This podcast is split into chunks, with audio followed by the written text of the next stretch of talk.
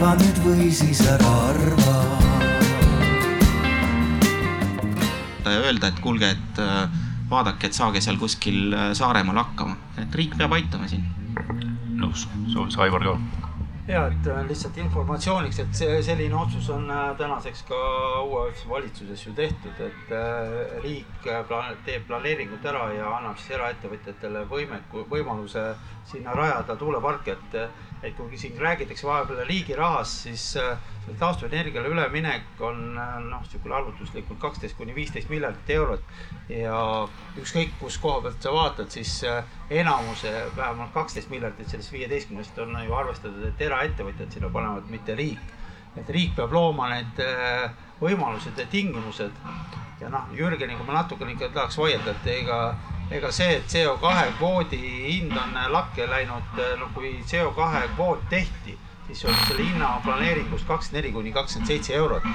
et noh, tänase kaheksakümne ja üheksakümne euro vahel lihtsalt meie Eesti inimeste sissetulek ei ole selline, et seda täna kinni maksta ja, ja see raha küll iga, iga kuu saab Eesti valitsus Eesti Energialt viiskümmend miljonit eurot selle eest, aga, aga see viiskümmend miljonit tuleb tegelikult kõigi meie enda energiatarbijate taskust. jah, see küsimus veel ka Marko Kaasikule, et kas niisugust kriisikomisjoni energeetika teemal Vabariigi Valitsuse tasandil, nii nagu meil oli pandeemia ajal, oleks vaja või ei oleks? et kas see viiks edasi ja, ja kas oleks vaja teha nii-öelda terviklik üle-eestiline, mitte igas nurgas eraldi, mitte iga uuring eraldi, vaid äh, pigem siis äh, jõulisem valitsuse poolt juhitav äh, mereteema, meretuuleparkide teemaplaneering, eri, eriplaneering jah, oleks vaja kriisikomisjoni ja on vaja ka teadusnõukogu sellel, sellel teemal, nii nagu selle koroona teemal oli ja, ja on vist ikka mingil määral praegugi olemas.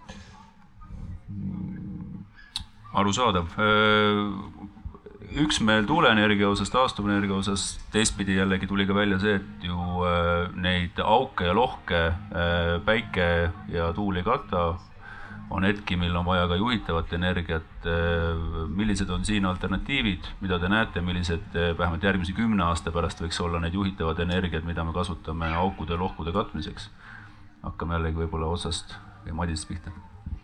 mul on unu, ununeb muidu ära, et ma lihtsalt äh, täitsa siiras üleskutse ka, ka rohelistele ja roheliste esindajatele tegelikult äh, see, mis äh, on erinevates siis olgu see Hiiumaa, Saaremaa, nende kogukondadega läbirääkimistel meile lauale pandud, et tegelikult ka siin oleks rohelistest hästi palju abi, sest need peamised argumendid tuule siis äh, energia arendamisel seal piirkonnas on just äh, keskkonnast tulenevad. et võib-olla seal, kui seda veel rohkem, see kandepind oleks suurem ja ka roheliste poolt äh, oleks see abi näiteks kasvõi Sõrve kogukonnale selgitamisel, et see viiks neid protsesse väga reaalselt kiiremini edasi, et, et seal ongi see, et need on kõik keskkonna aspektid, ei ole küsimus rahas. Nendes inim-, nendel inimestel ei ole küsimus rahas, et lihtsalt täiesti siiras, siiras nagu ettepanek, aga. kui võib, ma, kas ma võin kohe vastata? ma olen oma erialal päris palju keskkonnamõjude hindamistes osalenud ja, ja ma tean seda, et seda protsessi saab päris palju kiirendada. Äh, kui, kui seda teevad rohkem inimesi ja, äh, ja kui, kui tehakse noh, äh, rohkem teoreetilisi lähenemisi, rohkem analoogide põhjal. et, et see on täiesti, täiesti tehtav sageli palju kiiremini, kui, kui noh, tavaks on väga hea, koos rohelistega, Madis, leiate need inimesed ülesse ja, ja hakkate kirjeldama neid menetlusi. aga mis on need äh, augud äh, või energiaallikad, millega me auke ja lohke katame kümne aasta möödudes? kümme aastat on mõnevõrra täpselt selline no ütleme, huvitav määratlus, et, et väga keeruline on rääkida siin võib-olla kogu äh, tuuleenergia väljaarendamisest.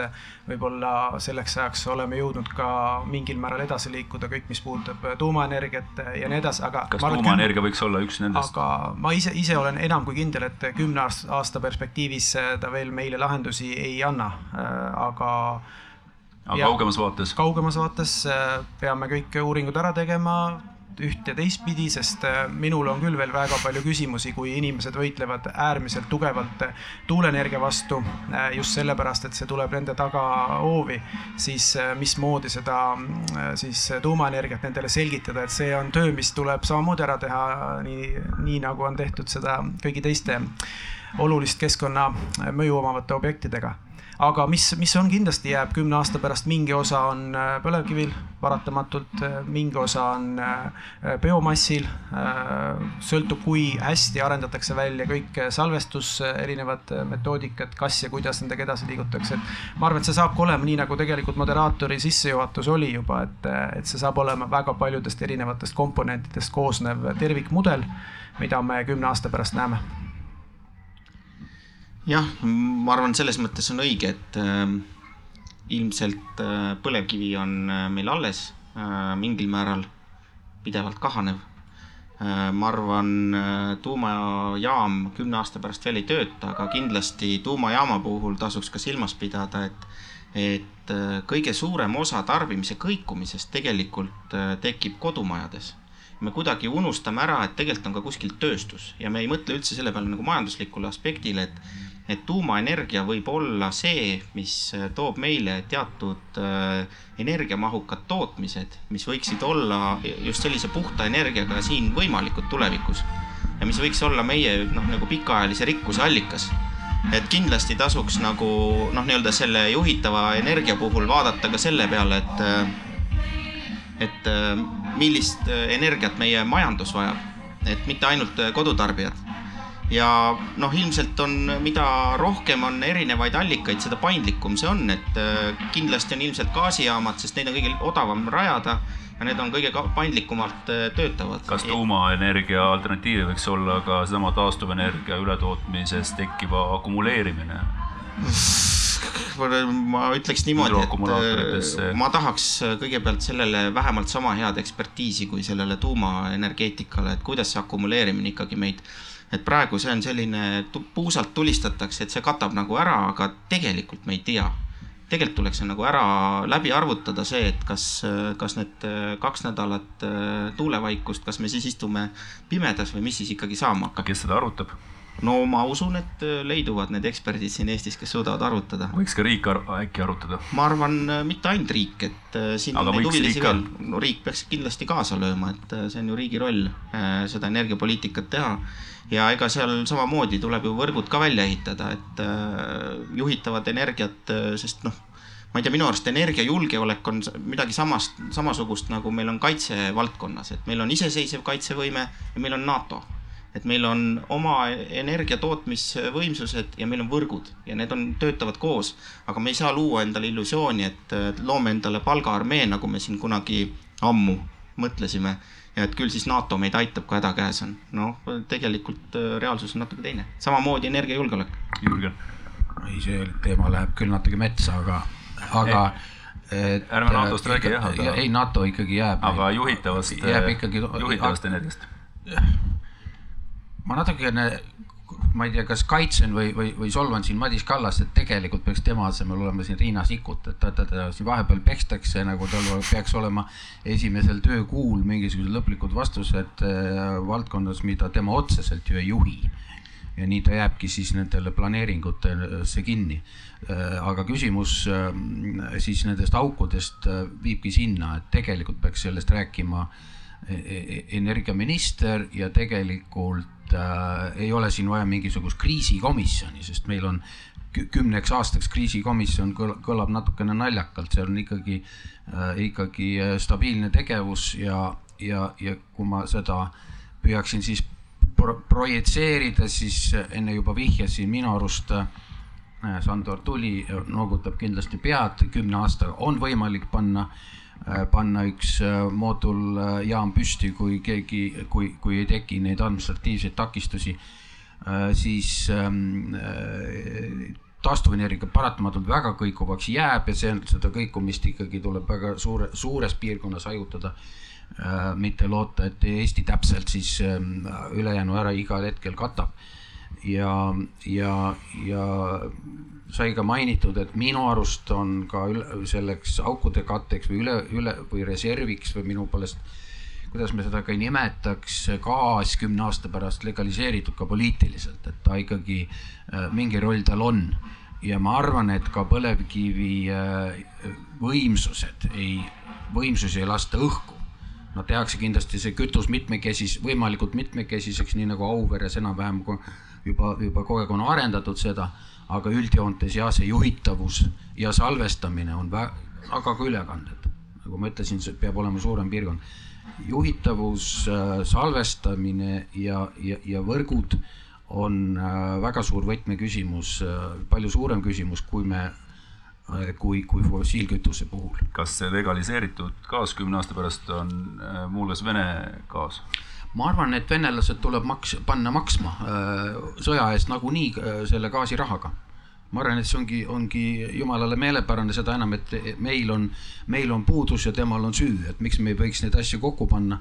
aga see ei ole noh, nagu igavene eesmärk jääda fossiile, vaid tõesti äh, Äh, investeerimine võtab aega, nii, nii tuulikutesse kui ka jaamadesse kümme aastat on, on enam-vähem see ajaraam tõesti, aitäh. Aivar. Kõigepealt Auvere jaam kindlasti sel ajal äh, veel töötab, ta töötab veel peale seda veel paarkümmend aastat, enne kui ta oma töö, töö lõpetama hakkaks hakkama. Teine on äh, hüdrosalvestus, et Alexela on selle kallal kõvasti tööd teinud ja ja kui keegi arvab, et seda ei teata, mis on, siis ma soovitan äh, Leetu minna Poola piiri peale, seal iga öösel pumbatakse mäe otsa basseini vesi ja, ja päev aega lastakse alla ja toimib äh, juba ma ei tea, mitukümmend aastat ja, ja, ja päris kasulikult, päris kasulikult, nii et, et selliseid ei ole palju maailmas, aga selliseid äh, variante on, aga see, mida Alexela on nii-öelda projekteerinud või idee on, see on palju võimsam ja ja lahendab ka graniidikillustiku Eestis mitmeteks aastateks ära, aga eks see on jälle nii, et, et kas äh, rohelised on nõus ja kas keegi teine on.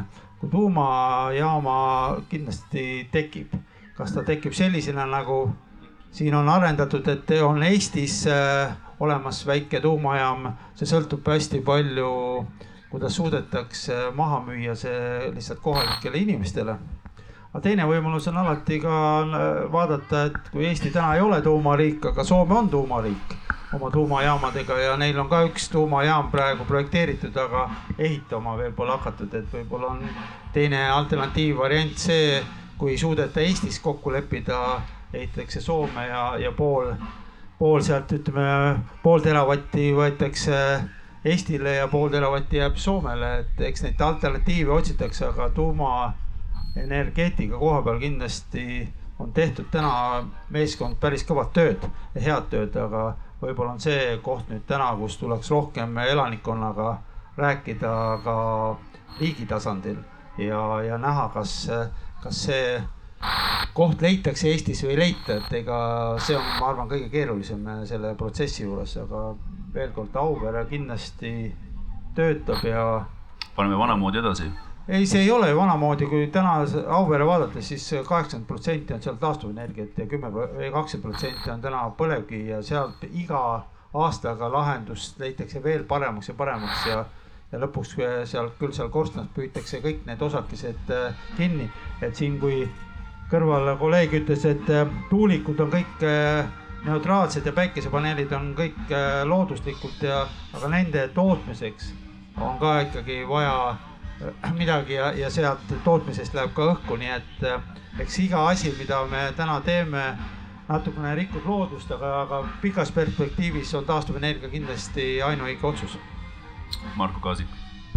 kui Auvere Äh, puhul siis peetakse silmas puidu, puiduga kütmist, siis see ei ole süsinikuneutraalne, kui, sest metsavaru väheneb.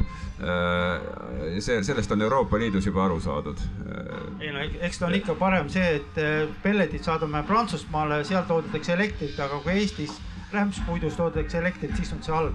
et see on nagu väga huvitav arusaamine, et pelletitootjad võivad teha ja müüa kahte. Aivar, su naabril oli õigus. rämpsuks, rämpsuks nimetatakse äh, puitu selleks, et teda põletada, okei okay. äh,.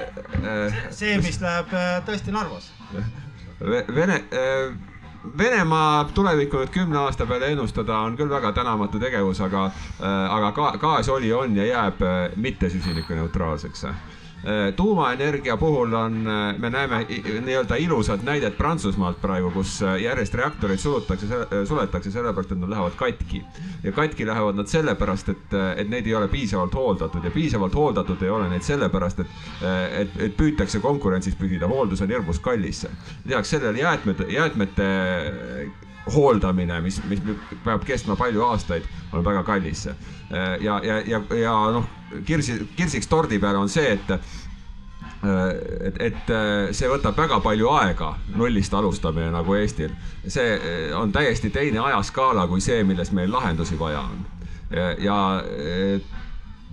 taastuvate energiaallikate kasutamine, kasutusele võtmine on hea tahtmise korral noh, vähemalt kümme korda kiirem tegevus ja äh, seda, äh, selle, sellega tuleb siis äh, tegeleda koos, koos akumulatsiooniga loomulikult. Neid kohti, kuhu rajada neid akumulatsioonijaamu on, on põhjaranniku lähedal päris, päris palju ja nüüd on ka soojusakumulatsioon muutunud noh, juba, juba rentaabliks nende energiahindade juures, mis praegu on sellest huvitav, et äh, neli erakonda on väga tuumaenergia meelsed, avalikkuse ees veel sellist laiapõhjalist debatti sellel teemal ei ole, ei ole tõusetunud, loodetavasti see on, on tulemas koos ekspertarvamustega ja kõige, kõige muuga.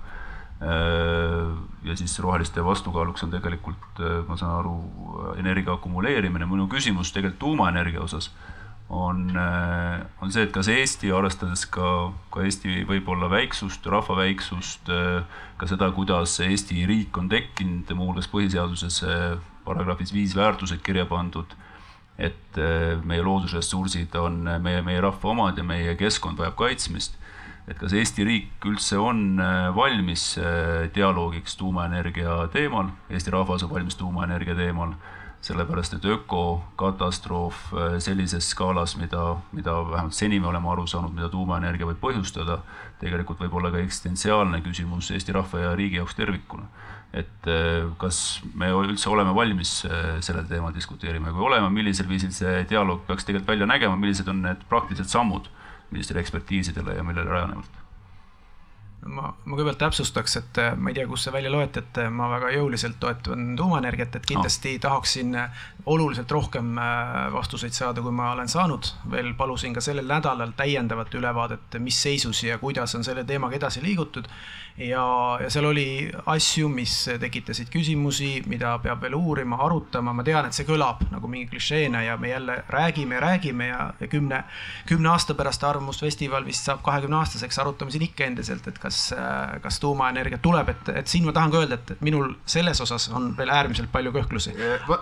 minule ka tundub, et, et siin on pigem äh, sotside ühe äh, valjuhäälsi ja kõne, kõneosava inimese maine pigem selle, selle tuumaenergia toetamise taga. liigume sealt võib-olla järjest, et kas, kas üleüldse me oleme selleks dialoogiks valmis ja, ja just seda ajalugu ja ka meie võib-olla varasemat kogemust fosfor, fosforiidisõja näol arvestades no ma arvan, et äh, see on meie kohus tänastel poliitikutel ja otsustajatel seda debatti pidada ja arutada, sest see, mis toimub meie ümber, võtame juba Soome näitena toodud äh, ja need riigid, kes praegu ju tuumaenergiaga oma siis nii-öelda energiat äh, ja teatud auke katavad, on ju väga palju ja me ei saa siin pead liiva alla peita, et me peame ka siin kaasas olema, arutama, küsimustele vastuseid saama ja küll tuleb ka see aeg, kus siis ühel hetkel tuleb otsuseid hakata tegema minu arust ju debatt käib juba, et äh, selles mõttes äh, arutelu käib siin ja arutelu käib avalikkuses ja ma arvan,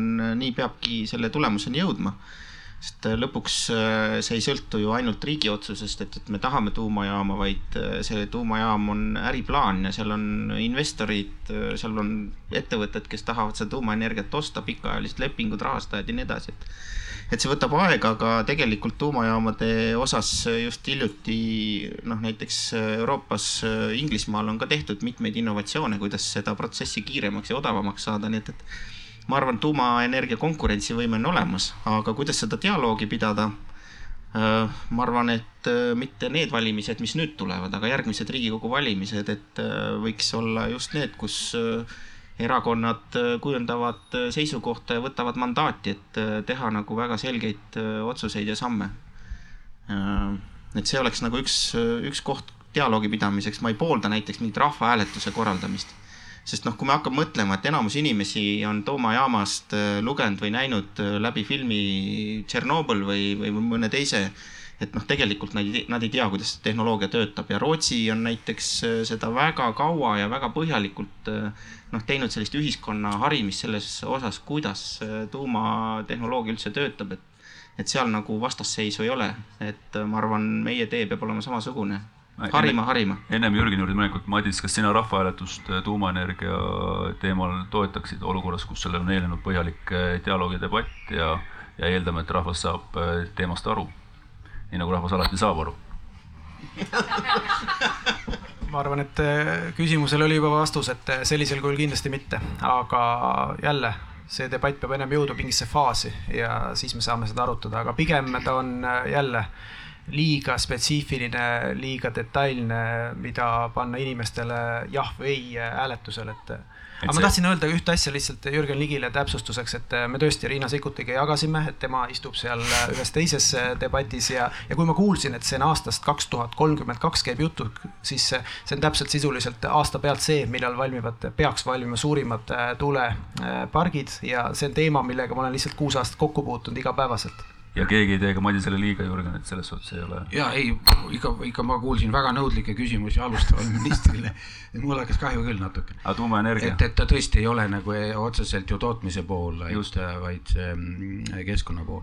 et ei, ma toetan seda küll ja mul, ma ei suuda praegu olla see infoallikas, aga natuke olen lugenud, et oleks siin kohe Sandor lähemal, ma küsiks, aga minu arust on need need tehnoloogilised ehm, ühesõnaga riski maandamised on hoopis teisel tasemel uutel tehnoloogiatel kui, kui vanadel, et Prantsusmaa jaamade pärast ma pigem mõtlen sedapidi, et et seal käib mingi jant selle pankroti ajamisega mingisuguse, ühesõnaga tegelikult kiusatakse, kiusatakse riiklikult neid tootjaid taga, et mul tekivad need seosed, et juhul kui põhjus on kehvas hoolduses ja nende hoolduse hinnas, siis siis äh, otsi sotsialiste, et antud juhul jah, see äh, energiapoliitika Prantsusmaal on väga sotsialistlik olnud. ma, ma selles mõttes oleksin äh, nagu seda näidet ei kasutaks, aga, aga jah, ma olen kuulnud nendest uutest moodulljaamadest, ma ei karda neid sõnu öelda, mis ma enda arust tean, et ma eksin võib-olla. aga põhimõtteliselt need riskid on hoopis teised, inimestele tuleb seletada, aga inimeste käest küsida, ma arvan, aju või siis tuumateaduse kohta ma pigem ei teeks seda et ikkagi neile tuleb nende seisukoht ikkagi nagu ette öelda põhjalike rahustus. no see usaldus ei ole liialt suur rahva vastu ei, liialt suur ei ole, sellepärast kogu Eesti riik on olnud piisavalt tark, et teha ainult seni ainult kaks suurt referendumit, et see on, see on hästi libe tee. ja ma kardan muidugi, et see noh, referendumi tee tundmatul teemal, ma kardan, et see vastasseis on muidugi ka korraldatav aga ma loodan, et mentaalsus on kõvasti muutunud, et olen juba korra öelnud, et, et kõrge hind, energia hind ikkagi muudab suhtumist. aga kas ei peaks olema nii, et kui ei suuda selgitada rahvale, et see risk on olematu või hästi väike? ei, seda tuleb suuta. kui ei, aga kui ei suuda aga selgitada, siis. eriarvamused teevad alati, aga lõputult. siis ei peaks ka võib-olla otsustama. ei, nii ma, sellega ma olen nõus, et riik peab ühel hetkel ikkagi asja ära tegema, mitte öelda, et nüüd vabandust, nüüd on pime. et seda ei tohi teha jah, see on eeldusel, et alternatiive ei ole, aga me ennem kuulsime, et alternatiive tegelikult ka ju eksisteerib. Aivar. ei eksisteeri et see on muidugi huvitav pakkumine enne, et äh, valimiste debatiks teha, siis kindlasti on nii, et äh, pooled parteid toetavad ja pooled ei toeta, sest kõik püüavad siis saada ju valijate hääli ja ja siis pärast pead, pärast pead äh, Riigikogust nagu püüdma siis kompromissi teha, kuidas sa siis oma. praegu on viis-null seis, ma väidan no,. parlamendi parteides ma ütlen viis-null, rohelised sõdivad praegu vastu, aga ma ei näe ühtegi parlamendiparteid, kes hakkaks sellele vastu sõdima ja, ja see ei ole ülejärgmiste, vaid see on, nagu sa ütlesid, vaid järgmiste valimiste küsimus kindlasti ka. no õnneks Jürgen ongi kõik viis parteid erakonna Riigikogus, et nii, nii ja nii lihtne see nagu on. mina ei tea, et ükski erakond oleks äh, sellise otsuse teinud, et kas toetada või mitte, sellist otsust on äh,, nii palju on täna, et eelmise valitsuses on algatatud selle teemaga tegelemine ja meil on erainvestorid, kes on võtnud selle asja vedada.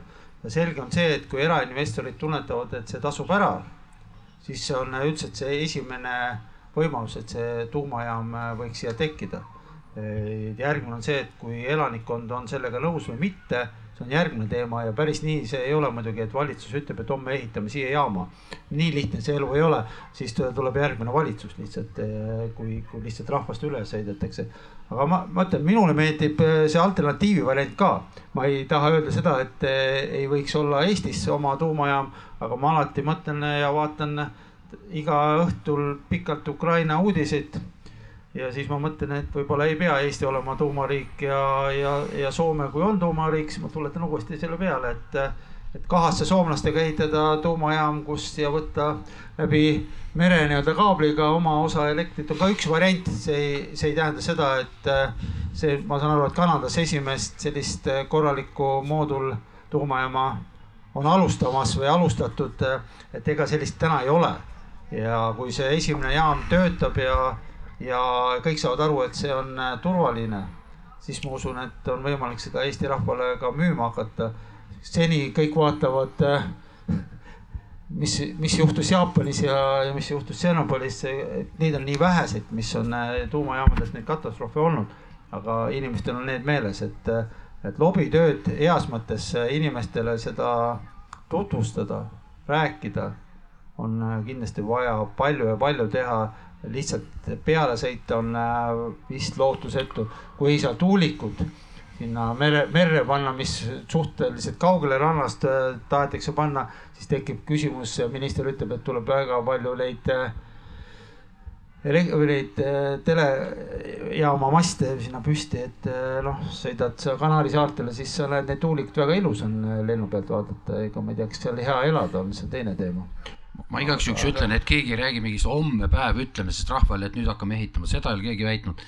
ja teine asi, et äh, see Soomega koostöö on alati ju, ju ähm, teema, aga ta ei ole kümne aastaga ei juhtu midagi, et see on liiga aeglane. ja, ja see ei Vastupidi, välista Soomega Soomes on täna Soomel ei ole meid ehitusluba olemas. ja aga need on, aga see on teine tehnoloogia, see võtab rohkem aega. see tehnoloogia võtab rohkem aega, see ei ole mooduljaam. ja kahasse on alati kallim, ütles juba Tammsaare just, kraav ühele poole ja, ja mätas teisele, et äh, Marko Kaasik, Roheliste arvamus. jah, nii eksistentsiaalses küsimuses nagu, nagu, nagu tuumajaam kõigi oma ohtude ja raskustega on vaja rahvahääletust.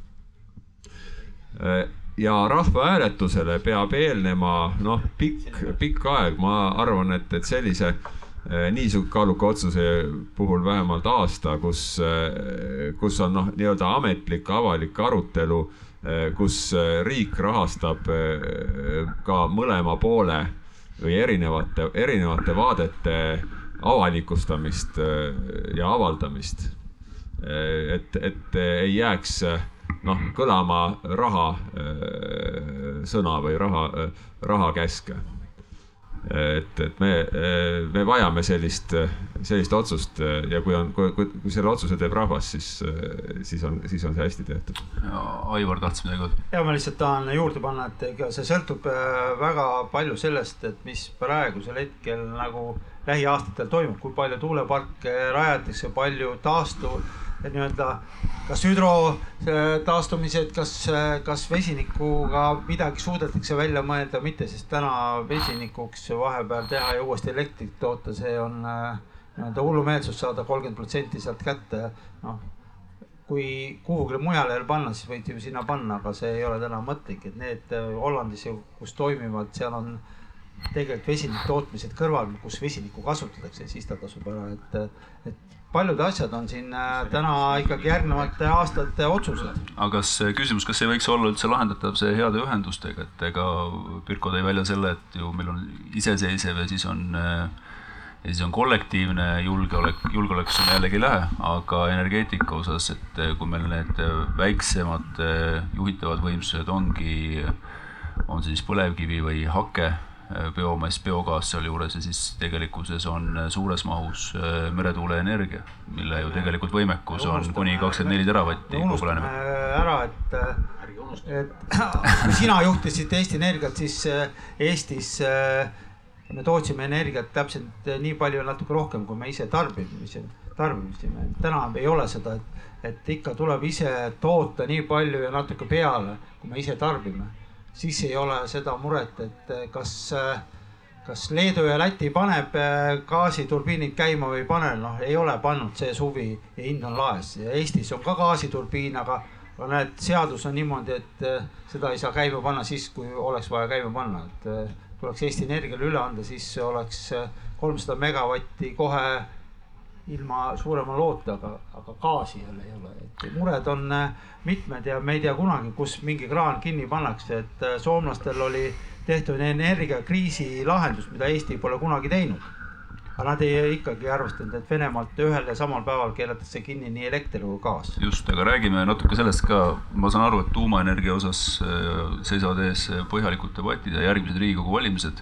sellel Riigikogu valimisel veel keegi keegi seda platvormi siis ei paiguta või lo-, lo-, loodetavasti paigutab, ma tahtsin just rõhutada, just. seal ei ole mingeid lõplikke otsuseid. seisukohad, ma arvan, väljendatakse küll, et hoiakud väljutakse, keegi ei ole nagu kategooriliselt öelnud, et otsustame ära mõne kuuga, ei ole, seal on ju see pagana töögrupp ju alles ka toimetab valitsuse juures, et asi on nagu protsessis. Aga olles rääkinud sellest, milline meie visioon kahe, kümne aasta pärast on äh, energia kokteili osas äh,, erinevad taastuvad ja mittetaastuvad Äh, komponendid, siis äh, räägime ka sellest, kes jäävad rataste vahele, et äh, esimese hooga võib-olla lähitulevikus, juba eesseisval sügisel on tarbijatel rasked ajad tulemas. et milliseid meetmeid, viise, millisel kujul te ette näete, et tegelikult peaks selle kümne aasta jooksul pakkuma nendele inimestele, kelle jaoks energia hind võib-olla läheb kalliks? Madis alustab ega siin ka ühte head vastust ei ole, et, et siis oleks asi liiga lihtne, siis ta ei oleks ka kriis, et, et tulebki, nii nagu me praegu kõiki neid tegevusi, mis tehakse seoses terminaliga, LNG terminaliga, seoses erinevate siis menetlusprotsesside kiirendamistega, et et head ja kiiret vastust ja head ja kiiret lahendust tegelikult ei ole, et, et see ongi kõige, kõige nagu murettekitavam, aga õnneks äh, me saame praegu äh, mingil määral asendada põlevkiviõliga. jah, keskkonna jalajälje mõttes äh, väga halb, aga, aga meil on teatud nagu variandid, millega siis hetkel seda kriisi nagu vähemalt leevendada, jah, me ei saa teda nagu olematuks teha et äh, minul praegu küll siit ei ole öelda head lahendust, et äh, nipsust ja nüüd on nii, et see lahendaks praegu olukorra. noh, energia hinna osas me oleme teinud ka otsuse Euroopa Liidu liikmena ju olla ja osaleda avatud elektribörsil. Äh, selles osas nüüd sellel nädalal juba universaalteenuse osas on teatav selline tagasiaste varasemasse perioodi et milliseid meetmeid, siin on kõlanud ka veel käibemaksu alandamise mõte on kõlanud äh, riigi poolt kokkuostmine suures koguses äh, ja laialijagamise mõte, et äh, on no, selles osas ka mingeid? noh, tegelikult universaalteenus on see, et me läheme tagasi plaanimajandusse, et äh, olgem ausad, et siin Jürgen korra mainis sotsialismi, et äh, noh, ütleme ausalt välja, see ongi sotsialism, et see on minu ja minu arvates see on nagu Edgar Savisaar tegi kunagi munitsipaalpoe, et me nüüd siis teeme universaalteenuse et seda kindlasti annaks paremini lahendada. Äh, mul on kahju, et äh, seda nüüd niimoodi üritatakse teha, aga noh, hea küll. mis see parem lahendus oleks? ma arvan, äh, kindlasti saab noh, nii-öelda me täna räägime sellest, et selle fikseeritud hinnaga me lihtsalt vähendame Eesti Energia kasumit ja, ja ongi kogu lugu ja jagame selle kasumi nii-öelda fikseeritud hinnalaega veel laiali ja noh, praegu veel pole üldse selge, et kas see hind, hind tuleb üldse mõistlik et äh, siin on äh, neid erinevaid ideid, kuidas äh, seda ümber jagada, on palju lihtsamad ja tegelikult äh, e-riigis me suudame väga hästi tegelikult tuvastada, et kellele seda abi päriselt on vaja. et me ei pea nagu selliselt lau-, noh nagu laus lihtsalt võina määrima seda laiali olukorras, kus tegelikult noh, see kapital äh, võiks kuluda Eesti Energiale ära hoopis nagu investeerimiseks. aga ma tahtsin küsida, kui alguses kõik olid mm. üksmeelel, et me liigume kliimaneutraalse riigi poole kaks tuhat viiskümmend, küll mitte põhiseaduse nii-öelda konkreetsusastmes ja, ja kindlusastmes, aga siiski liigume, siis äh, täna tehes äh, otsuseid, et me tegelikult äh, valime taskukohasema lahenduse, keerame börsi võib-olla ka natukene nagu upakile teistpidi ka selleks, et oleks universaalteenus tagatud, toome põlevkivi maalt veel rohkem välja ja hoiame elektrijaamasid jõus. No kas siin ei ole niisugust vastuolu? noh, tegelikult on see, et siin on ennem ka natuke räägitud sellest, et noh, me tegelikult ei tea, kuidas see Nord Poolil see hind nii suureks läheb et noh, me peaks nagu esiteks sellest aru saama. et me ei tea, kes see viimane pakkuja on, et äh, minu arust see on, see on esimene asi, tuleks Nord Pool äh, siia vaibale kutsuda ja see asi selgeks teha, et mismoodi uus süüdlane? Äh, mitte süüdlane, vaid on küsimus on arusaamises, et me täna lihtsalt vaatame, kuna me ise otsustasime selle osaluse Nord Poolis maha müüa, siis me lihtsalt vaatame nagu tummahambad seal, et ja keegi ei saa aru, et kuidas see hind nagu selliseks läheb kui me teame, et isegi gaasiturbiiniga on äh, megavati hind peaks olema viissada, aga turul on kaheksasada, kuidas see juhtub? me peaks endale selle selgeks tegema. aga kui me räägime inimeste toetamisest, siis äh, minu arust äh, noh, see, et me lihtsalt määrime seda madalama hinnaga laiali, et ostke universaalteenust ja samal ajal me ei mõtle üldse selle peale, mis saab ettevõtlusest, et see on tegelikult on jama kas see eesmärk lihtsalt, minu küsimus see, et kas kliimaneutraalsuse eesmärk ei tähenda seda, et inimesed peaks nüüd natuke kannatama? No me niikuinii kannatame ja ma usun, et äh, tegelikult äh, see talv on võib-olla et kõige raskem järgnevatel aastatel, kui on LNG terminal nagu töötab, äh, gaasihinnad stabiliseeruvad. et ilmselt see energia hind tuleb alla, aga see talv tuleb leida lahendus, ma arvan, et riigieelarve kaudu noh, nagu maksta kinni teatud sihtgruppidele automaatselt läbi arvete on igal juhul see mõistlikum kui see, et me tegelikult aastani kaks tuhat kakskümmend kuus loome mingi jabura mehhanismi, millega me peame siis järgmist neli aastat elama. milleks? Jürgen ähm,. mulle ka ei meeldi see universaalteenuse asi, et see on ikkagi. Äh, aga koalitsioonis olete ju koos? ja, aga ega ma ei ole isegi oma erakonnale ei kirjuta igale seisukohale alla, vaid me vaidleme iga päev mm.. et see on halb kompromiss, aga, äh, aga ega me detaile ei tea. aga mis alternatiiv oleks? no kas ma nüüd räägin, et ei ole nii, et alt, et see või teine. tema tulemus on äh, kindlasti vähem investeerimist, äh, vähem energiasäästu, need negatiivsed äh, tegurid on sellisel hinna kunstliku allasurumisel igal juhul. et selles mõttes ma olen kolleegiga nõus. nüüd väga halvad lahendused on kindlasti kõik need, mis lähevad siis mingi nagu hinnakomponendi maha kirjutamiseks, et kompenseerime CO2 seda CO2 või kaotame käibemaksu või kõik. see on täpselt vastupidi sellele, mida on tegelikult siis häda, hädaliste toetamiseks vaja. Need mõjuvad äh, nendele, kes paremini hakkama saavad ja jaksavad rohkem tarbida. võit läheb sinna ja selliseid otsuseid riik ei tohiks teha ja sellest koha pealt äh, noh, äsja meil vist ka refereeriti seda eesti keeles, et IMF-i äsjane äh, äsjane tõdemus, et need on ülemäärased, need riikidele üle jõu käivad, need kompenseerimise mehhanismid ja ka valesti suunatud, et tuleb ikkagi äh,, abi tuleb ikkagi suunata nõrgematele, mida käibemaks teeb täpselt vastupidi võrgutasud täpselt vastupidi, CO2 kvoot täpselt vastupidi, et, et jõukamad oma, omandavad võidu. aga reaalsed probleemid on, on riigieelarvetele, see universaalteenus nüüd otseselt riigieelarvesse ei ei, ei, ei löö nii palju, kui praegu võib aru saada nendest plaanidest, aga aga ta ikkagi äh, noh, ma ei muretseks kasumi pärast, ma muretseks investeeringute pärast ja muretseks säästu pärast, et, et äh, sedapidi ta hea ei ole. Aga noh, ta on niisugune valuvaigist, et eks ma olen ka elus valuvaigistit päris palju võtnud ja, ja ei kahetse. aga ega ma ei ütle, et see on nagu lahendus, eks ole. tekitab sõltuvuse võib-olla. Äh, õnneks on ta ajaline piir, aga minu arust on absurdne see kaks tuhat kakskümmend kuus, nagu ma lugesin, äh, et eelnõus on kirjas, et äh, neljaks aastaks selline jamps kehtestada. Väga kahju, mul on hea meel muide, et Riina Sikkut on öelnud, et, et tegelikult energiaturg toimib ja, ja ta ei ole sellega ka, ka instinktiivselt nõus, aga kah, ta on valitsuses nagu minagi, olen koalitsioonis. me vaidleme paljudele asjadele vastu, mida valitsused teevad, aitäh. Aivar, koalitsioonis vaidled vastu? Äh, ei, ma ei vaidle vastu, vaata lihtsalt mure on see, et äh, kui see eelnõu idee oli, siis oli väga lihtne asi, et äh, täna riigieelarves on arvestatud CO2 kvoodi hind kakskümmend seitse eurot. aga tegelikult CO2 kvoodi hind on üle kaheksakümne euro.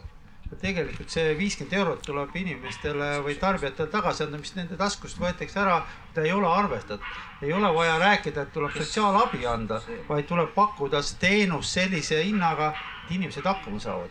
et me jaanuarikuus nägime seda, kuidas omavalitsuste järjekorda oodati, et kakssada tuhat inimest lähevad sinna järjekorda, noh inimesed ei lähe sinna Eesti inimene on piisavalt uhke, ta püüab ikka ise hakkama saada. me peame ikka looma võimaluse, et see hind oleks piisavalt madal.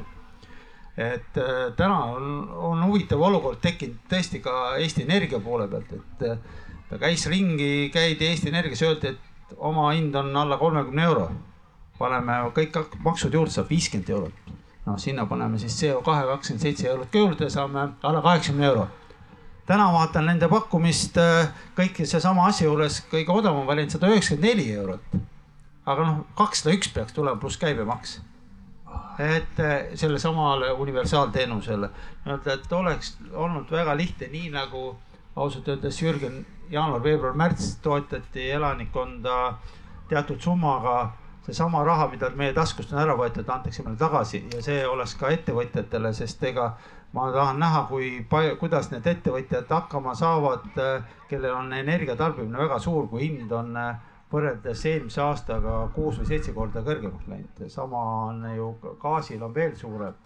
et see ei ole päris nii lihtne, et Riigikogu liikmena ma saan aru, et palk on piisavalt suur, et võid pool palka ka sinna energiasse ära panna, ikka saad hakkama. ja et seda palka aga, edasi saada, võib igasugust jama ajada. aga enamus inimestele seda ei ole, sina, Jürgen, oled ju alati öelnud, et mida kõrgemad maksud ja mida rohkem inimeste taskust ära võtta, seda parem riik on.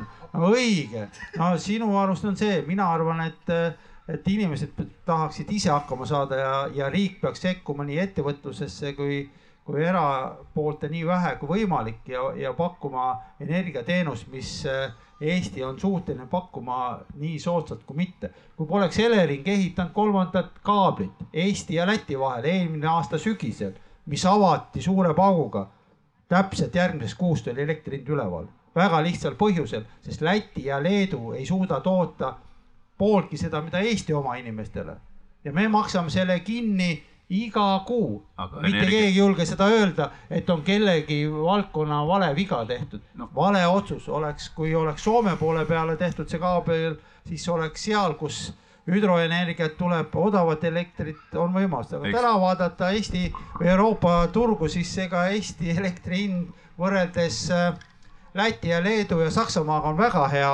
Soome on kolmkümmend eurot, oli teise kvartali keskmine elektri hind odavam aga Rootsi ja Norra palju. mulle tundub, et see puder, kampaania on, on käima läinud. see on ja... puder ja kapsad, ütleme, ma siiski täpsustan, et kõik asjad tulevad kellegi taskust, riik tuleb ka inimeste taskust, et ärme nüüd seda juttu aja, et Jürgen, on vaja odavat kaupa ja inimeste abi. arvestatud seda ja mis see siia puutub, mis eelarves, see ei puutu üldse asjasse, kas see eelarves on, see ei puutu üldse asjasse. ole nõus ja maksa kolmsada viiskümmend eurot ülejäänud elanikud on nõus maksma viiskümmend viis eurot. kõik sõltub sellest, keda me abist- või kogu otsus on ju selles, keda me abistame, kes maksab. sa räägid nii nagu. ja nagu abistama, tuleks... kui hind on normaalne, ei olnud ju vaja kedagi aasta tagasi oli viiskümmend viis eurot keskmine megavati-tund hind, keegi ei küsinud raha juurde. see ei puutu asjasse, see ei puutu asjasse. kuulame Marko Kaasiku arvamuse ka ära universaalteenus, kas see on imevits, millega inimesi järgmise kümne aasta jooksul lohutada ja, ja liigume õiges suunas? Kindlasti mitte ainuke imevits, äh, imevitsaid ei ole olemas, aga äh, see on, äh, praegu on nüüd kriisiolukord ja, ja kriisimeetmed ei ole sotsialism, nagu Rainer Kattelgi kirjutas, et kriisikapitalismi tuleb ohjeldada, mis, mis hinnad lakke lööb ja, ja, ja, ja noh, tegelikult hävitab seda, seda majandussüsteemi ja, ja sotsiaalsüsteemi ja noh, praegu on sulaselge see, et, et noh, kõige lisaks kõigele muule, mis on juba olnud, on äh, see äh, gaasi äh, noh vaenuliku riigi gaasi küsimus. et kas ta nüüd ise seda piirab või, või nagunii tuleb sellest, sellest lahti saada, et teda mitte toita ja selle äh, jaoks äh, Euroopa Liit töötab praegu väga suure kiirusega välja õiguslikku raamistikku. tulevad järjest seadused, kuidas reguleerida. Need ei ole jõustatud veel ja need lähevad jõustamisele siis, kui tõesti on midagi muud enam teha ei ole, aga kuidas reguleerida tarbimist, kui, kui on väga vähe seda ressurssi, noh et kõigepealt peavad saama inimesed ja sotsiaal ja, ja raviteenused, eks ole. ja siis näiteks mille pealt saab väga hästi kokku hoida, me tea, koroonameetmetest juba teame, eks ole, et, et kaubanduskeskused olid, olid praktiliselt kinni. Nende kütmiseks ja valgustamiseks läheb palju energiat. Siis kontoriruumid, noh, inimesed saavad väga palju kodus töötada. Paljud kontoriruumid saab, saab siis külmaks ja, ja, ja, ja pimedaks lasta, eks ole, et need on, need on need meetmed, mida, mida tõenäoliselt on lähemal talvel vaja juba. Mulle tundub, et ja Pirko. ma lühidalt. lihtsalt lühi-, lühikese repliigi, et äh, kui turg toimib, siis ja hinnad on kõrged, siis äh, ettevõtja lülitabki lambid välja. selleks ei ole vaja plaanimajandust kehtestada, et hakata kellelegi ütlema, et mis kell nüüd sa pead oma kontori tuled ära kustutama ja te tegelikult on sama lugu on ka eratarbijatega, meil ei ole mõtet, noh, tunnistame ausalt, et tegelikult see on lihtsalt valijatele äh, me, mee moka peale määrimine praegu on see universaalteenus, et äh, lihtsalt valimistel populaarsust püüda, odav populaarsus, mida me aastani kaks tuhat kuuskümmend, kakskümmend kuus peame kannatama. täielik jama. et siis need, kelle kelle sissetulekud on noh, alla, äh, alla tänast keskmist, siis äh, võivad pimedasse ja külma jääda pole probleemi. miks, meil on ju olemas e-riik, me teame täpselt, kus on eraisikud tarbivad, me saame igale eraisikule täpselt suunata selle toetuse, nii nagu teatud mõttes osalt see sellel talvel toimis, me saame selle riigi poolt ära lahendada. aga me ei pea määrima ja ütlema, et tulge universaalteenust kasutama kõik, kes tahavad ja siis te saate mingi fikseeritud hinna. universaalteenusel on sama lugu, et need kes jaksavad rohkem tarbida, võidavad rohkem, et sama häda. et ei ole jutt sellest, et alla keskmise peavad pimedasse, ei. vaesemad ongi see toetamine peabki olema vajaduspõhine, praegu ta ei saa vajaduspõhine olema, selles on probleem. aga muidugi noh, ma ei tea, mis see lõppotsused valitsusel langet-, langetatakse, eelarves on ka mingi raha ette nähtud ja küllap see midagi vajaduspõhisemat lõpuks sügisel otsustatakse. tuleme selle ploki juurde nii, Marko. siis tuleb need, siis tuleb need hästi kõrgelt maksustada kuidagi, kes, kes saavad ülikasumeid kõrgete hindade pealt. see, see ja siis, siis tõesti saab, saab neile kinni maksta, kes, kes hädas on. Eesti energiapoliitika ja Eesti, millist energiat tarbime kümne aasta pärast, selle juurde tagasi, valimised on juba käimas, on tunda seda aga kes hammasratast vahele veel jääb kümne aasta pärast tõenäoliselt põlevkivisektori osatähtsuse vähenedes, on idavirumaalased, Ida-Virumaa kas ja milliseid plaane peaks tegema seonduvalt sellega, lihtsalt ühe paralleelitõmbena täna Ukrainas, äh, ka Ida-Ukraina väga sarnane geopoliitiline võib-olla olukord, võib-olla ka sotsiaalmajanduslik mingil määral, venekeelne, äh, Vene meediaruumis tööstusele orienteeritud maa, maavarade piirkond. et sarnast situatsiooni mitte näha kümne aasta pärast Eestis, kas on mingeid mõtteid ja meetmeid, mida peaks juba täna rakendama? Ma eelmise teema lõpetuseks lihtsalt see, mis puudutab äh, erinevaid meetmeid, et veel kord, me ei tohi ära unustada, et me oleme kriisis, et äh, kes mäletab äh, kaks tuhat kakskümmend aastal, kui põhimõtteliselt üks Euroopa Liidu aluspõhimõtteid, vaba, inimeste vaba liikumine ja kuidas Soome pani kinni piiri. aga see oligi, see oli erimeede, see oli kriisi ajal ja tegelikult kaudselt me ju lõpuks mõistsime seda, et, et ma ütlengi, et praegu on ikkagi kriis mm. -hmm. ja ma olen nõus, et nüüd, kas see aasta kaks tuhat kakskümmend kuus on see parim tärmin, aga hetkel me peame lähtuma sellest, et väga paljudel inimestel on väga keeruline hakkama saada.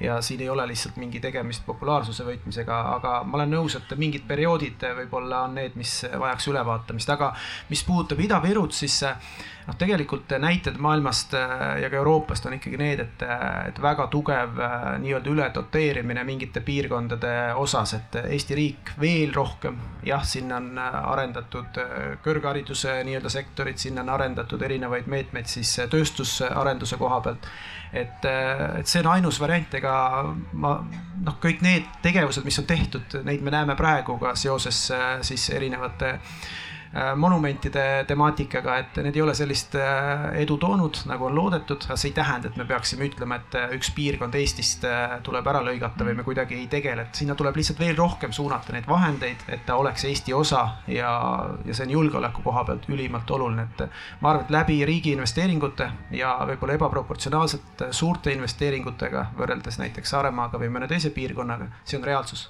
mm. -hmm.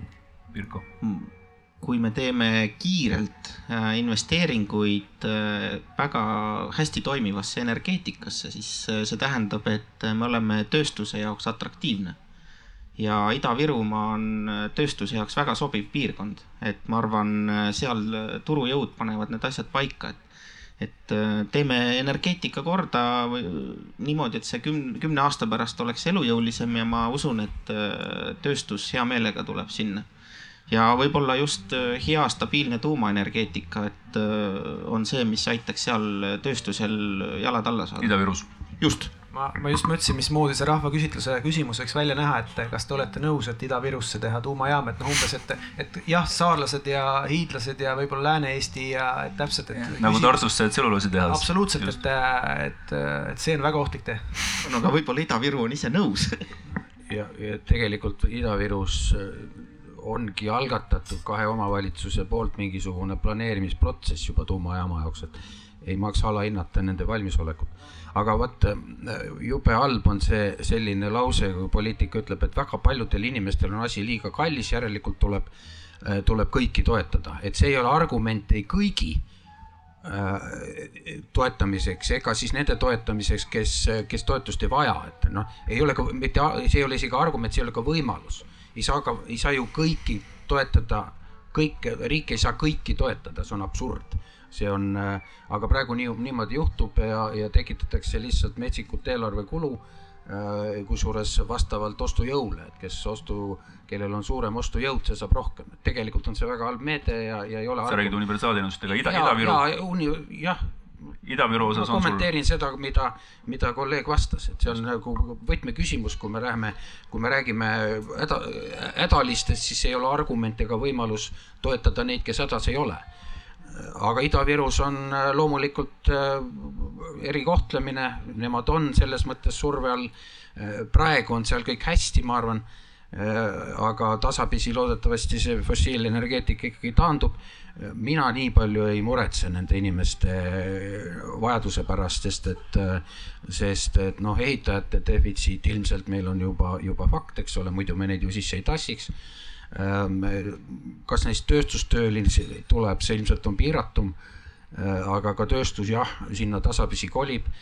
riik teeb spetsiaalselt investeeringuid, pumpab sinna raha üks ähm, sotside esimees, nimi ei tule meelde, lubas juba tanki vastu sinna kõik asjad ära teha, mis oli kindlasti üks äpardus, aga see, see sõnavõtt, aga, aga põhimõtteliselt riigi äh, nagu tähelepanu ja ka investeeringud sinna liiguvad, üldiselt muidugi äh, see kohanemisruum on natukene suurem, ühelt poolt on see lootusetu kaevandus, kõigi kaevanduspiirkondi maailmas, noh, kogemus näitab, et nad, nad ikkagi, kui see kaevandust enam ei ole, siis, siis, siis tekib seal äh, allakäik, aga noh, meie Eesti on nii väike, et ja, ja tööjõupuudus nii suur, et ma arvan, et sellist suurt lokaalset katastroofi seal tegelikult lõpuks ei tule.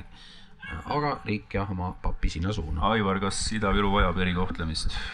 Kas see on püssirõhutünn, kus? Äh, viimased äh, kümme, kaksteist aastat ongi Ida-Virumaa e-, erikohtust saanud ja, ja riigieelarvest ja Euroopa Liidu vahenditest äh, saanud tunduvalt rohkem kui ülejäänud piirkonnad, et kas seda raha on alati otstarbekalt kasutatud, peab küsima kohalike meeste käest, aga, aga väga paljud ettevõtjad on leidnud Ida-Virumaa ja sinna rajanud oma tööstused, sest ega tööjõud on see kõige olulisem punkt, pluss teine on see, et äh, mis on sisendhinnad ja, ja kuna Eesti Energia kõrval on äh, tehtud äh, nõndanimetatud tööstuspargid, kus saab ilma võrgutasuta ja kõige muud energiat kasutada, siis muidugi vahepeal tekitati seal muid, nagu öelda, digiraha korjamise võimalusi ka, et mis ei oleks võib-olla kõige õigem otsus aga seal on päris korralikult ettevõtluse arengus arenenud ja eks tagasilööke tuleb ju igalt poolt, et eks Sillamäe sadamat vaadata, mis oli üles pandud ikkagi Vene poolt kaubandusele on täna väga raskes olukorras. Mingil hetkel võib-olla olukorrad muutuvad ja eks otsitakse uusi turge, aga ma usun ka, et Eesti on äh, piisavalt väike, et äh, suudab oma inimestele tööd leida ja sõita. meil eestlastel tundub, et kui viiskümmend kilomeetri kaugusel on töökoht, siis on juba nagu palju, aga mujal maailmas sõidetakse tunduvalt kaugemale tööle ja, ja tagasi, et ja, ja see on õige, et noh, tuumajaamale on mõned omavalitsused täna väga selgelt Lääne-Virumaa poole pealt mere ääres oma jahi öelnud, küll on vist rohkem öelnud vallavanemad, ma ei tea, palju kogukond on öelnud seda, aga need arusaamad on olemas ja ja ega põlevkivi nüüd homme siis ära ei kao, et, et, et põlevkivi otse ahju pole juba ammu ei, ei taheta panna, on seda õliks töödeldud ja, ja kõige muuga sinna ahju aetud, et elektrit toota, et eks tehnoloogia muutub ja Eesti on kindlasti põlevkivi eh, nii-öelda teaduse koha pealt maailma tipp.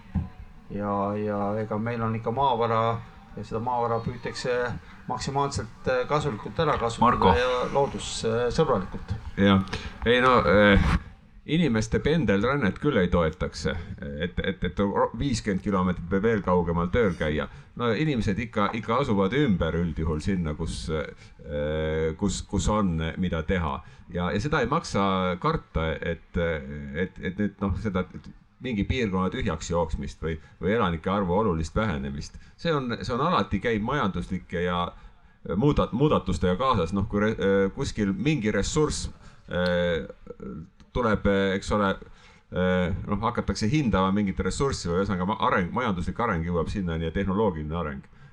nii nagu põle, põlevkivi tuli, eks ole, meie, meie majandusse suuresti võõrvõimu abiga. nii on ka loomulik, et ta, et ta ükskord kaob ja, ja tulevad teised ressursid teistes kohtades. aga seda, neid inimesi noh, seda, neile tuleb anda nii-öelda pehme maandumine või võimalus. ümberõpe riigi kulul ja, ja niisugused toetused, mida on vaja selleks, et nad, et nad, et nad kohaneksid uue eluga, uute, võib-olla eluga uues kohas Eesti piires. ja, ja noh, saaksid kasulikud olla taastuvate energiaallikate ehitamisel või nende, selle tähendab nende seadmete ehitamisel ja, ja ekspluatatsioonil, mille, kus tekib ilmselt rohkem töökohti, kui põlevkivienergeetikas kaob. aitäh, kõik on väga optimistlikud Ida-Viru tuleviku osas, selles osas, mis juba tehtud on, eks saatus ja tulevik näitab. arvasime ju, et ka kõik eestlased ja Eestimaa elanikud elavad ühes samas meediaruumis, aga, aga ilmnes midagi muud. võib-olla jõuan võtta ka üks-kaks küsimust, on publikus kedagi, kes soovib?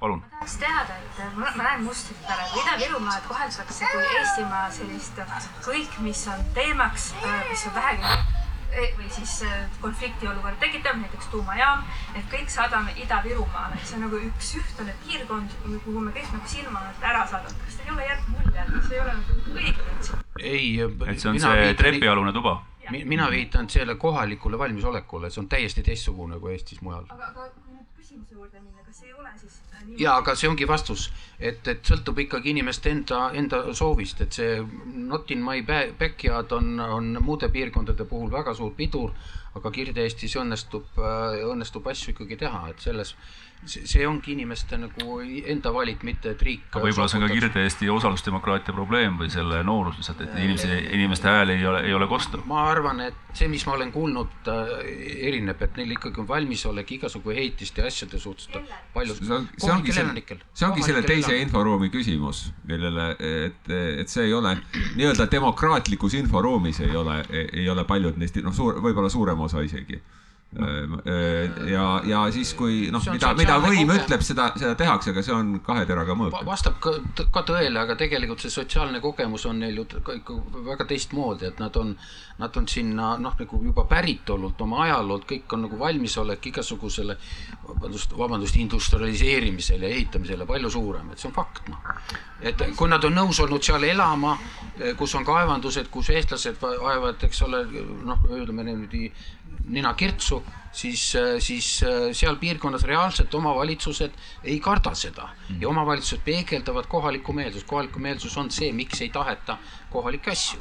kas ma, ma väidan, et, et selline äh, tegevus, selline nende objektide surumine sinna tugevdab seda võõrast inforuumi. Pirko ka veel ja Mats Lüüder, jah, kas on? ma, ma arvan, et äh, selles mõttes äh, ma siin äh, olen Jürgeniga ühte meelt, et et niikuinii ei saa seda tuumajaama kuskile suruda nõnda, et ei tehta põhjalikku selgitustööd, et see ei ole, et lükkame selle vaiba alla kuskile sinna Ida-Virumaale ära, et siis me nagu seda ei näe.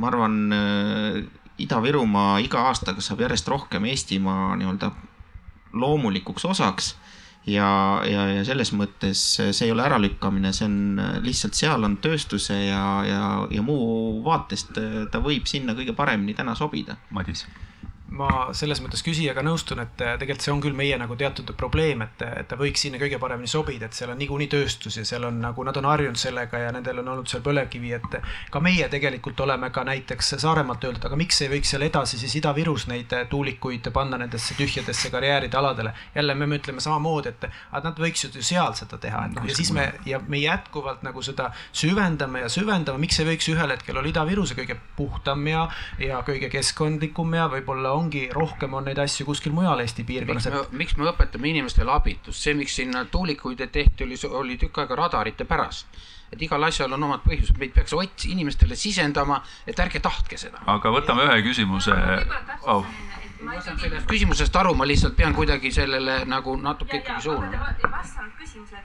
selle miniküsimuse korral äh, kohalikud elanikud on nõus, aga ma räägin terve Eesti mentaliteedist, seda pidevalt ja iga probleemi korral jätkuvalt ja jätkuvalt ja jätkuvalt, alati ühte nurka. ei, mina just ütlen, et see on väljamõeldud asi, kui vene, kui keegi ei suru sinna vägisi, kui nad oleksid vastu, siis sinna suruda ei saaks. aga võtame ühe küsimuse tuleme ei, selle energia, energia teema juurde tagasi veel kümne aasta pärast. see on liiga suur konstruktsioon, ma saan aru, mida te öelda tahate, aga see on konstrueeritud. Ida-Viru teema on ainult üks spekter, sellest ta kindlasti äh, arvamist vääriv spekter. on veel küsimusi publiku seast, soovitakse teada?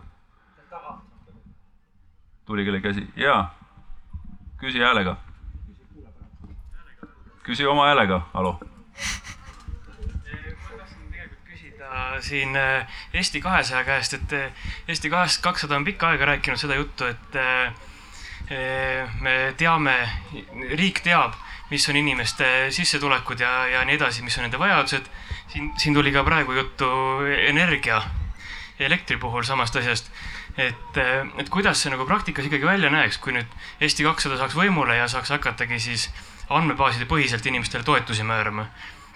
et mulle lihtsalt meenub äh, see, kui sotsid tahtsid teha automaksu ja see ei sündinud, sest et äh, siin tehti natuke analüüsi ja selgus, et äh, need, kes omavad viiekümne tuhande euroseid autosid äh,, saavad tulu kuskil miinimumpalga ulatuses. ehk siis äh, see, kus, mis inimene tegelikult tulu saab ühtpidi või teistpidi, ei pruugi nagu äh, näidata tema rikkust või vaesust. et ma just mõtlesingi, et äkki nagu äkki nagu kirjelda natuke seda siin äh, nüüd siis elektri ja universaalteenuse ja muude selliste alternatiivide näitel, et mis, milline oleks siis see Eesti kahesaja no, personaalne lähenemine? no,? sisuliselt ju sellel talvel äh, seda teatud ka, teatud mõttes rakendati.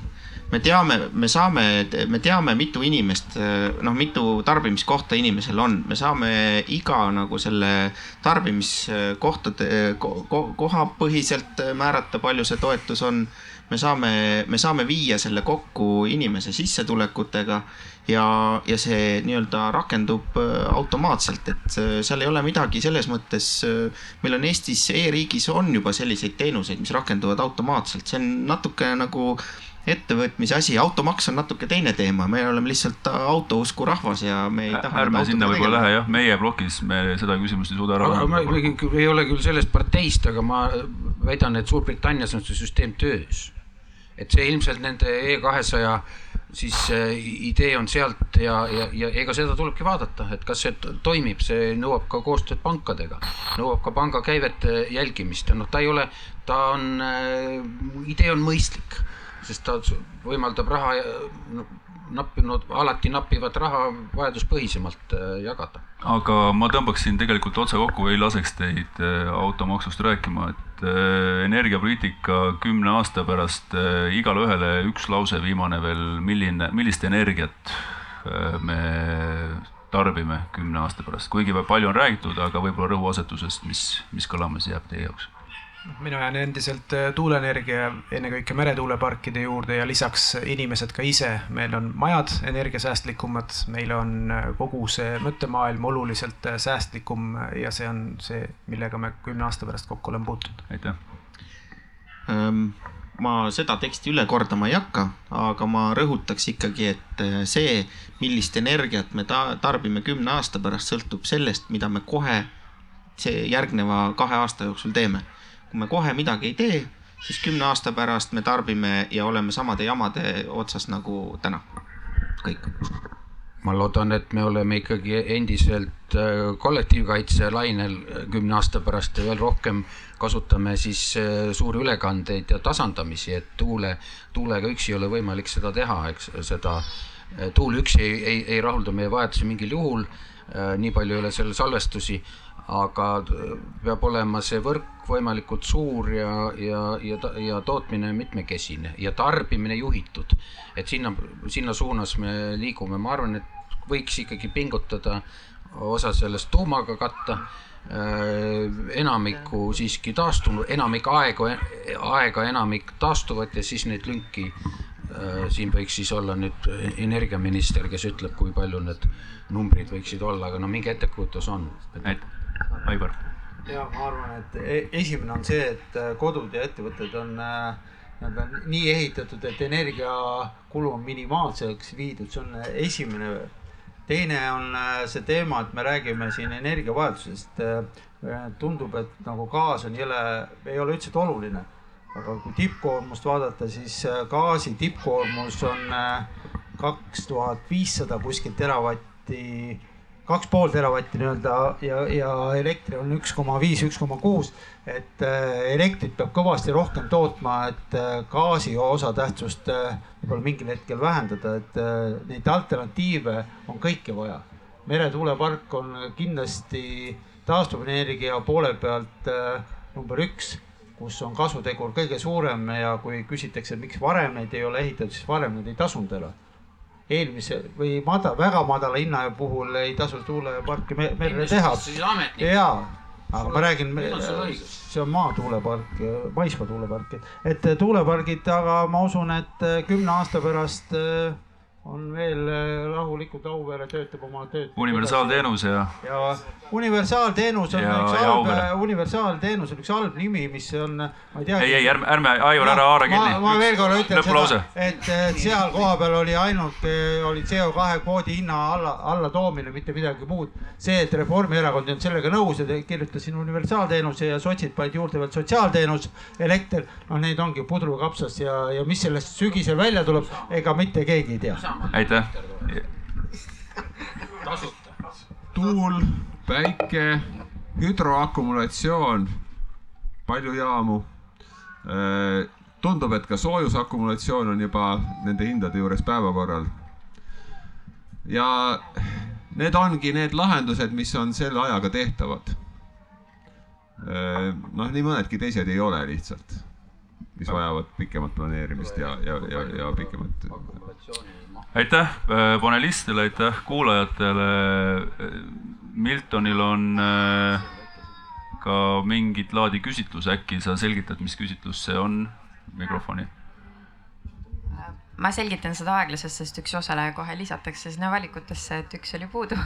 aga põhimõtteliselt, kui teil on nutitelefon, siis suunake see oma QR koodi peale ja saate anda hääle sellele, kes osalejatest tundus teile kõige veenvam selles arutelus just. aitäh kõigile ja head Arvamusfestivali jätku.